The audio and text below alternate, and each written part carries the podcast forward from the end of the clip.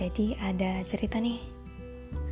Ada seorang pria namanya Bambang. Dia itu fotografer yang bekerja di sebuah majalah terkenal. Di kantor majalahnya, dia termasuk golongan fotografer senior. Jam terbangnya udah banyak. Banyak bekerja sama dengan artis-artis dalam pemotretan cover majalah. Karirnya cemerlang, hidupnya sudah mapan tapi dia belum menikah di usianya yang sudah menginjak 30 tahun. Meskipun pergaulannya cukup luas, namun sayangnya rata-rata teman-teman Bambang cuman manfaatin dia. Misalnya nih ya, minjem duit tapi nggak dibalikin. Ngubungin Bambang kalau lagi ada maunya. Jadi itu yang membuat Bambang gak punya teman dekat. Nah, suatu hari si Bambang ketemu sama seorang pria namanya Adam. Adam ini seorang model. Umur mereka sama. Jadi mereka ketemu karena lagi ada kerjaan bareng di kantor majalahnya si Bambang.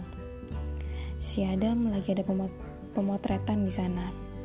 Dan Bambang yang motoin. Bambang fotografernya. Awalnya mereka itu kenalan kan. Terus mulai ngobrol-ngobrol. Eh, taunya si Bambang ngerasa si Adam ini anaknya seru dan nyambung kalau ajak ngobrol. Ternyata mereka tuh punya ketertarikan yang sama di bidang fotografi dan modeling. Makanya si Bambang ngerasa nyambung sama Adam. Begitupun sebaliknya. Nah, dari situ awal pertemanan mereka. Di mata Bambang, Adam itu orangnya beda dari teman-temannya yang lain.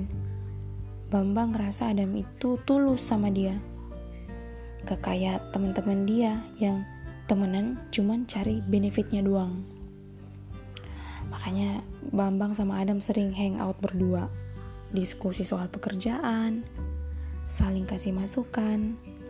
Awalnya pembicaraan mereka hanya seputar pekerjaan, tapi karena semakin hari hubungan mereka semakin kuat, semakin erat, lah.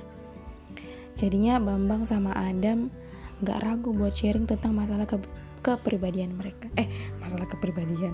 Masalah pribadi mereka juga. Pokoknya mereka udah akrab banget lah ya. Bambang tahu semua tentang Adam Adam pun tahu semua tentang Bambang. Bambang bersyukur bisa menemukan manusia seperti Adam. Begitupun sebaliknya Adam senang dan bersyukur juga kenal dengan Bambang pokoknya mereka berjanji gak bakalan ninggalin satu sama lain baik dalam keadaan susah maupun keadaan senang dan akhirnya mereka mengikrarkan janji mereka dalam sebuah janji pernikahan. Yap, Bambang dan Adam akhirnya menikah. Karena ternyata Bambang dan Adam itu tuh penyuka sesama jenis alias homo.